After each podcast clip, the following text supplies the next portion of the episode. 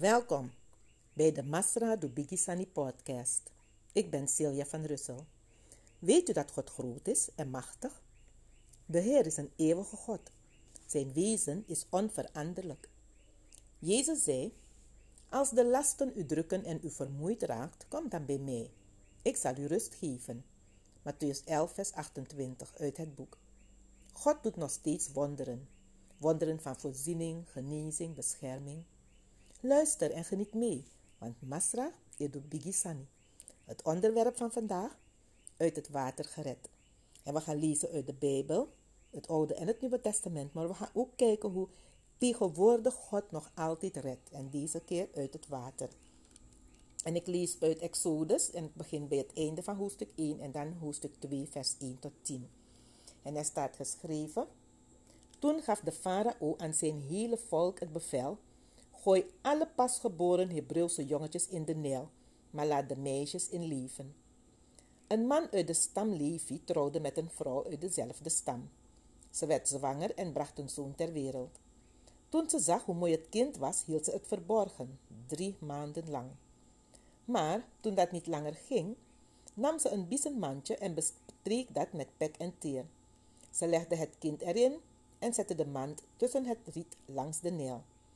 De zuster van het jongetje bleef in de buurt, want ze wilde zien wat er met hem zou gebeuren. Enige tijd later kwam de dochter van de farao naar de rivier om er te baden. Haar slavinnen liepen op, de, liepen op de oever heen en weer.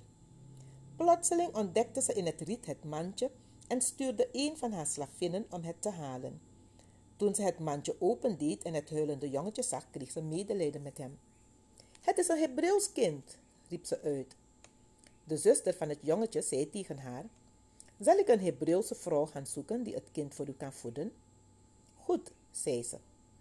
Onmiddellijk ging het meisje de moeder van het jongetje halen. De dochter van de farao zei tegen de vrouw: Neem dit kind mee en voed het voor me. Ik zal je ervoor betalen. De vrouw nam het kind mee en voedde het. Toen de jongen groot genoeg was, bracht ze hem bij de dochter van de farao. Die nam het kind aan als zoon en noemde hem Mozes, want zei ze, ik heb hem uit het water getrokken. En hier zien we dit wonder van God. Precies in hetzelfde water in de Nijl, waarvan de farao had gezegd dat de Egyptenaren alle Hebreeuwse jongetjes moesten gooien, zodat ze zouden sterven. Precies daar naartoe bracht de moeder haar kind. Ze legde hem in een mandje. Biddende, gelovende, God gaat een wonder doen. En als God iets doet, dan doet hij het goed. Want hij brengt dit kind in het huis van de farao zelf. In het huis van de vijand. En hij wordt daar beschermd totdat hij een volwassen man is. En voor zichzelf kan zorgen. Dat doet God. En Mozes betekent dus uit het water getrokken. Want daaruit waarin hij moest sterven, heeft God ervoor gezorgd door zijn grote macht en majesteit dat dit kind werd gered. En u kent het verhaal van Mozes, denk ik. God heeft hem gebruikt om het volk Israël uit de slavernij in Egypte te halen en te brengen naar het beloofde land. God doet wonderen en hij is niet veranderd. Gaan we naar het Nieuwe Testament, Matthäus 14, en daar lees ik uit de Evangelische Bijbel hoe daar ook iemand uit het water wordt getrokken. En dan gaat het om Jezus met zijn discipelen. En Jezus had aan zijn discipelen gezegd dat ze hem moesten achterlaten, want hij zou gaan bidden. En ze moesten dus vooruit gaan met het schip. Maar tijdens de vierde nachtwacht kwam Jezus naar hen toe, lopend over het water. Toen de discipelen hem over het water zagen lopen, raakten ze in paniek en zeiden: Het is een bedrieglijke geestverschijning. Ze schreeuwden het uit van angst. Maar op dat moment sprak Jezus tot hen en zei: Houd moed, ik ben het, vrees niet. Petrus antwoordde en zei, hem, en zei tegen hem, Mijn heer, als u het bent, beveel mij dan over het water naar u toe te komen. En hij zei, Kom. En Petrus klom uit het schip en liep over het water om bij Jezus te komen. Maar toen hij op de sterke wind lette, werd hij bevreesd en begon weg te zinken. Hij schreeuwde het uit en zei, Mijn Heer, red mij! Onmiddellijk stak Jezus zijn hand uit, pakte hem vast en zei tegen hem, Jij gelovige, waarom heb je getwijfeld? En toen zij in het schip geklommen waren, ging de wind liggen. En zij die in het schip waren, kwamen en, kwamen en aanbaden hem en zeiden, werkelijk, u bent de Zoon van God. Dit is het tweede uh, verhaal, zal ik maar zeggen, verhaal, waarin we horen dat iemand uit het water wordt gered. De eerste keer was het dus Mozes, die als baby door zijn ouders, door zijn moeder, in de Nijl werd gelegd in een rieten mandje. En hij kwam in het, in het huis van het hoogste gezag. Hij kwam in het huis van de koning zelf en hij werd daar opgevoed als een prins. Nu hebben we het verhaal gelezen van Petrus, die een discipel is van de Heer, Jezus Christus. En ze zien iets wat ze nog nooit in hun leven hebben gezien. Dus ze zien iemand op het water lopen. En het moet een geest zijn. Het moet een jorka zijn. Het moet een... En ze beginnen te schreeuwen, want dit hebben ze nog nooit meegemaakt. En dat, deze stelt ze onmiddellijk te rust en zeggen, mm, unobari, ik ben het. En Petrus, Petrus is echt iemand die, ik kan me zo voorstellen, hij, hij wil altijd nieuwe dingen doen. Hij wil altijd iets doen dat, hij wil er deel van uitmaken. En hij zegt direct, Heer, als u het bent, beveel me dan. Want hij weet, als de Heer me iets zegt om te doen, ga ik het doen. Net als die ene keer toen de Heer me had gezegd, ga weer, ga weer vissen. En hij zegt van, maar ik ben moe, we hebben de hele nacht gevist. Jezus zegt, ga vissen. Hij, Petrus zegt, oké, omdat u het zegt, dan ga ik het doen. En hij gaat en ze vangen zoveel vis dat twee schepen bijna niet genoeg zijn om al die vis te bevatten. Dus deze keer, wanneer hij, dan zegt hij, Heer, als u het me zegt, zeg het me, Heer, ik kom. En de Heer zegt, kom. En Petrus stapt uit de boot op het water en hij begint te lopen. Hè? Maar dan, dit is onvoorstelbaar. Op een gegeven moment kon zijn verstand het niet bevatten. En op het moment dat hij keek, de wind waaide hard. De golven waren hoog en op het moment dat hij daarnaar keek, raakte hij in verstand aan tieren. Hij kon niet meer nadenken. En op, hij haalde zijn oog af van Jezus. Want ik stel me voor, terwijl hij daarvoor liep, hield hij zijn oog op Jezus gericht. Maar op het moment dat hij begon te kijken van, wacht eens even, ik loop op het water, op deze hoge golven, deze harde wind. En hij begon onmiddellijk te zinken. En Jezus was onmiddellijk daar. Dat vind ik wel het mooie van dit verhaal. Want hij liep naar Jezus toe. Maar op het moment dat hij begint te zingen en hij roept, Jezus, Heere, red me, is Jezus direct daar. En Jezus grijpt zijn handen en trekt hem op uit het water. En ook deze man is uit het water gered. En hij verdrinkt ook niet. Nu ga ik u, ik u een verhaal vertellen over mijn eigen leven. En dit, dit speelt zich af op Curaçao, jaren geleden. Ik mocht op vakantie naar Curaçao, naar mijn zuster die daar woonde met haar man en kinderen. En, en er was ook een tante bij, een verre tante en een, en een nicht van die tante met twee kleine kinderen. En op een dag bracht mijn zus ons naar een strand, op Curaçao dus. En zij bleven op, op het zand, ze bleven op het, zand, op het strand zitten, maar ik ging in zee baden. Want ik, ik kon en kan eigenlijk nog steeds niet goed zwemmen. Wat ik wel heb geleerd, vierde klas lagere school, was, moesten elke, elke week kregen we zwemles, verplicht, dat was op het rooster. Dus heb ik de schoolslag geleerd. Maar dat is dan ook het enige wat ik heb, wat ik heb geleerd. Ik heb niet leren water trappelen, ik heb niet leren drijven op de rug, ik heb niet leren, hoe noem je dat dingen? Um, vlinderslag heb ik niet geleerd. Ik heb leren um, de schoolslag geleerd. En natuurlijk ook niet goed. Nu was ik 17 jaar oud. En ik kwam daar op Curaçao en ik ging natuurlijk dicht bij, de, bij het strand. Ik ben niet ver van de oever gegaan. Ik ben dicht bij het, strand gebleven. Maar toch net ver genoeg waar je nog een beetje, weet je, kan zwemmen. In ieder geval, ik kon doen alsof ik kon zwemmen. wat er toen gebeurde, er kwam een man naar me toe. En uh, het moet toch een lander zijn geweest, want hij sprak Nederlands. En hij zei aan me, waarom? En hij sprak tot mij. En het, het was een druk strand. Hè. Er waren een heleboel mensen daar aanwezig. Mijn zus was op het strand met mijn tante en die kinderen. En die nicht. Maar ik was in het water met een heleboel mensen rondom mij. Maar die man kwam echt naar mij toe. Alleen naar mij. En hij zei aan mij, waarom zwem je niet tot aan die boei daar? En toen keek ik in de verte en ik zag een boei in zee. En het is heel vreemd hoor. Maar op het moment dat ik naar die boei keek, dacht ik, werkelijk, waarom zwem ik niet naar die boei? Ik, weet, ik weet niet wat er met me is gebeurd. Ik begon onmiddellijk te zwemmen. Ik lette niet erop dat die boei op flinke eind in zee was. Ik dacht er niet aan dat ik eigenlijk niet goed kan zwemmen. Die man zei dat tegen mij. Ik keek naar die boei, ik begon te zwemmen en die man liep weg. Hij keek niet meer naar me om. En ik begon te zwemmen naar die boei. Maar nadat ik een poos gezwommen had, werd ik moe. ik, ik was niet geoefend. En, en, ik, en ik wilde eigenlijk uitrusten. Ik wilde stoppen en gaan staan. En toen dacht ik, ik ben in zee. Er is, ik ga de bodem niet voelen. En ik wist, als ik nu stop, verdrink ik. En toen kwam er één gedachte bij mij op. Blijf zwemmen. Je moet niet stoppen. En ik gehoorzaamde en ik bleef zwemmen. Ik stopte niet totdat ik bij die boei was aangekomen. Toen ik bij die boei was aangekomen, heb ik die boei vastgegrepen. Ik waren gelukkig steunen. Het was een, het is een, ja, het is een, het was een, ja, ik weet niet hoe ik het moet uitleggen. Maar in ieder geval, er was, er was plaats waar, um, um, er was ijzer waarop ik mijn voeten kon plaatsen. Ik kon het vasthouden en ik kon uitrusten. En ik keek naar het strand en ik zag die mensen ver in de, ik zag die mensen in de verte en ik dacht van, heb ik zo ver gezwommen? En niemand wist dat ik daar was. Het was mijn zus, denk ik. Ik heb, ik heb haar nooit verteld. Als ze naar dit programma luistert, gaat ze het voor het eerst horen. niemand wist dat ik daar was. Dus zou niemand me kunnen redden. Dus ik stond daar, ik, nou stond, ik hield die boei vast en ik keek naar die mensen ver weg daar op het strand. En ik dacht, ik moet ook nog terug zwemmen.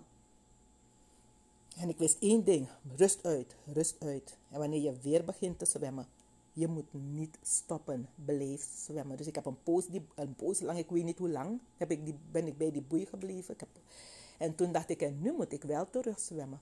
Met één gedachte, je blijft zwemmen. Je moet niet stoppen. En precies zo ben ik ook teruggezwommen. Ik ben, aan het, ik ben bij het strand aangekomen, ik ben uit het water gegaan en ik ben niet meer gaan zwemmen. Maar ze zei, je gaat niet meer zwemmen. Ik zei, nee, ik heb genoeg gezwommen voor vandaag. Ik heb er niet verteld, tot de dag van vandaag. Dan gaat ze door. Ik denk dat ik het de afgelopen jaren misschien aan vier mensen heb verteld. En nu maak ik het wereldkundig, omdat God een goede God is. Waar de duivel geprobeerd heeft me uit te schakelen want als ik was gestopt, ik kan niet water trappelen. En tot de dag van, tot van de dag van heden kan ik niet water trappelen. Ik heb het nooit geleerd. Ik kan niet op mijn rug drijven. Ik kan, niet, ik kan de vlinderslag niet doen. Ik kan het niet. Maar de Heer die met mij was, die aan me zei, blijf zwemmen. Je moet niet stoppen. Die heeft mij gered. Ik heb het nooit meer gedurfd zo'n afstand te zwemmen. Ik weet dat ik het niet kan, maar de Heer heeft me bijgestaan. Dat is een wonder van redding. Ik ben hem dankbaar. Als ik was gestopt, zat ik vandaag niet hier om u dit verhaal te vertellen. Was het afgelopen met mij. En na een poos zou ze zeggen van, waar is Celia? En dan zou we een zoektocht zijn begonnen. Want niemand wist dat er iemand, een duivel in mensengedaante, gewoon bij me is gestopt. En ik weet niet, het, mijn verstand was gewoon op nul. Dat ik opeens zei van, ja, waarom zwem ik niet tot die boei? En ik, ik, ik, ik, ik kon niet meer helder denken. En ik begon te zwemmen. Maar de Heer heeft me behoed. De Heer heeft me gered. En dan kan ik ook zeggen, ja, ik ben uit, ik ben uit het water gered. En onze God is geweldig. Hij is dezelfde toen, nu en tot in alle eeuwigheid. Hij heeft mij gered. Hij heeft mij niet alleen gered uit het water, hij heeft mij ook gered uit de macht van de zonde. En in de Bijbel staat, in het eerste boek van Colossense staat geschreven, hij heeft, ons, hij heeft ons gered uit de macht der duisternis. En ons overgebracht in het koninkrijk van zijn geliefde zoon Christus Jezus. Dat heeft hij met mij gedaan. En hij heeft mijn leven totaal veranderd, heeft mijn leven vernieuwd. Hij heeft mijn leven, nog een aantal keren daarna kan ik vertellen hoe de Heer mij heeft uitgered. Van vreselijke ongelukken, van allerlei problemen en noden. Hij is een geweldige God, hij is een liefdevolle Vader. En hij wil dat alle mensen hem leren kennen. Hij wil dat iedereen tot hem komt. Hij sluit niemand uit. Hij houdt van ons allemaal.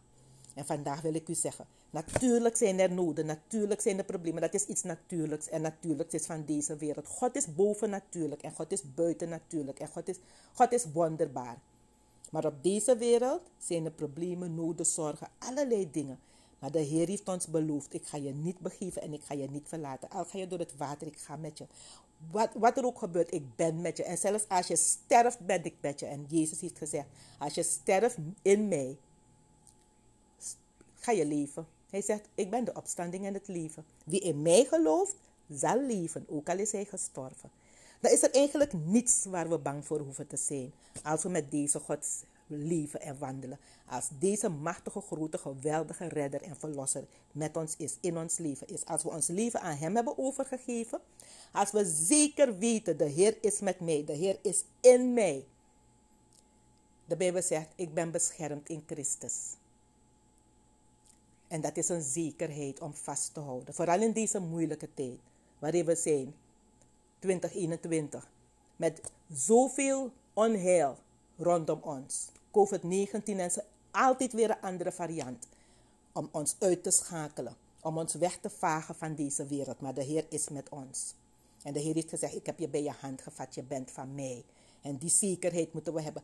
De Bijbel zegt, in leven en in sterven zijn wij zijn eigendom. Wel, dit leven heb ik aan hem gegeven. Het is niet meer van mij. Hij mag ermee doen wat hij, wat hij wil. Ik ben van hem. En hij is zelf het leven. En heeft gezegd, ook al ben je gestorven, zal je leven. Daar hoef ik me om niets meer zorgen te maken. Ik moet hem vastgrijpen. Ik moet hem vasthouden. Zijn woord moet in mij zijn. Zijn woord moet voor mij zijn brood, mijn, mijn voedsel. Zijn geest moet voor mij zijn het levend water. Ik moet met Christus leven. Ik moet hem vasthouden. En dat wil ik u ook zeggen vandaag. Hij is een wonderbare God. Hij is een liefdevolle Vader. Hij is een geweldige Heer. Hij is, hij is genadig en goed. Jezus heeft gezegd: Kom tot mij, allen die vermoeid en belast zijn. En ik zal je rust geven. Als u rust nodig hebt in dit leven, in uw ziel, in uw hart, waar dat ook. Als je problemen hebt waarvan je denkt: van, Het groeit me boven mijn hoofd. Kom tot Jezus. Accepteer Hem als uw heiland en verlosser.